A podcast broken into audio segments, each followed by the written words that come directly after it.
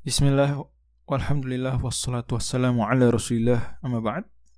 Surat Al-Hujurat, surat yang ke-49 Masih kita dalam rangkaian kajian 114 hari tafsir ijmali terhadap surat-surat Al-Quran. Di surat Al-Hujurat ini, surat yang madaniyah juga Turun setelah surat Al-Mujadilah sebelum surat At-Tahrim Terdiri dari 18 ayat. Surat ini artinya tadi kamar-kamar ya Bertemakan besar perintah menjaga adab disebut surat Al-Hujurat karena memang di ayat keempat ada kata Al-Hujurat dan Al-Hujurat yang artinya kamar-kamar ini hubungannya dengan tema besar surat yang merupakan perintah menjaga adab. Ini tema besar surat ini perintah menjaga adab. Apa hubungan dengan kamar-kamar? Hubungannya adalah wallahu alam bisawab karena hujurat dari kata hajar atau juga boleh hijar yang artinya batasan. Nah, hidup kita ini sebetulnya punya batasan-batasan terhadap pihak-pihak lain yang berbeda. Masing-masing pihak ada batasannya tersendiri yang berbeda. Tidak jarang berbeda dengan batasan-batasan pihak lain. Sederhananya, kita kapan bicara dengan orang? Tidak setiap waktu, tidak dengan semua cara, ada batasannya. Melihat ada batasannya, bergaul ada batasannya, dan seterusnya. Terhadap yang levelnya orang tua kita berbeda batasannya dengan yang levelnya teman kolega kita dan seterusnya. Dari sini jelas ya bahwa surat Al-Hujurat nama suratnya cocok dengan tema besar suratnya. Allah Subhanahu wa taala beri contoh di awal surat ayat pertama adab kita, batasan kita beradab terhadap Allah Subhanahu wa taala. Allah firmankan, يا أيها الذين آمنوا لا تقدموا بين يدي الله ورسوله Wahai orang-orang yang beriman, janganlah kalian mendahului Allah dan Rasulnya. Jangan lancang terhadap Allah dan Rasulnya. Allah dan Rasulnya ajarkan sesuatu, kalian lancang. Ya, ikuti jalan yang lain. Sanggah Allah dan Rasulnya. Ya, merubah-rubah aturan Allah dan Rasulnya. Ini adab kita kepada Allah. Ada batasannya.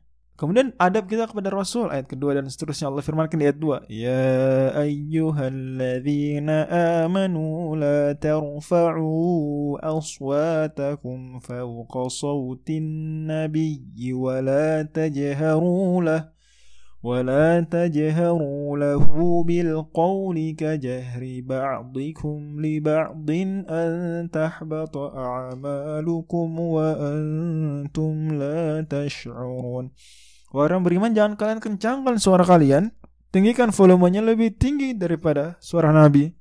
Dan juga berkata keras terhadap beliau, berbicara kencang-kencang pada beliau, seperti kalian bicara dengan teman-teman kalian sendiri. Dan ini lagi tadi menegaskan Anda ada batasan. Anda tidak bisa perlakuan setiap pihak dengan sama. Masing-masing punya batasan yang berbeda. Demikian. Allah Subhanahu wa taala juga tegur orang-orang dari Najd yang datang ke Madinah waktu itu yang mereka kencangkan suara siang-siang di kamar-kamar Nabi. Ini penyebutan Al-Hujurat dari situ. Innalladzina yunadunaka min wara'il hujurati aktsaruhum la ya'qilun. Kemudian habis itu Allah Subhanahu wa taala sebutkan beberapa etika adab kita terhadap sesama manusia. Allah firmankan di ayat yang ke-6 misalnya. يا أيها الذين آمنوا إن جاءكم فاسق بنبأ فتبينوا tentang pentingnya tabayun ketika mendengar informasi bagian dari adab juga Allah firmankan di ayat yang ke 10 innamal mu'minuna ikhwatun fa aslihu baina akhawaikum kita damaikan orang-orang beriman karena semua kita orang beriman saudara. Adab lagi. Ayat 11. Ya ayyuhalladzina amanu la yaskhar qawmun min qawmin asa an yakunu khairan minhum ولا نساء من نساء عسى أن يكن خيرا منهن dan seterusnya. Ini adab juga. Jangan mencela, meremehkan, memanggil dengan panggilan-panggilan yang buruk, mencari-cari salah, seterusnya. Masya Allah, Masya Allah. Etika, adab. Langsung lanjut ayat 12. Ya ayyuhalladzina amanu jatanibu kathiran minadh Jauhi sangka-sangka. Ya, jauhi. Dilarang gibah kita di ayat 12.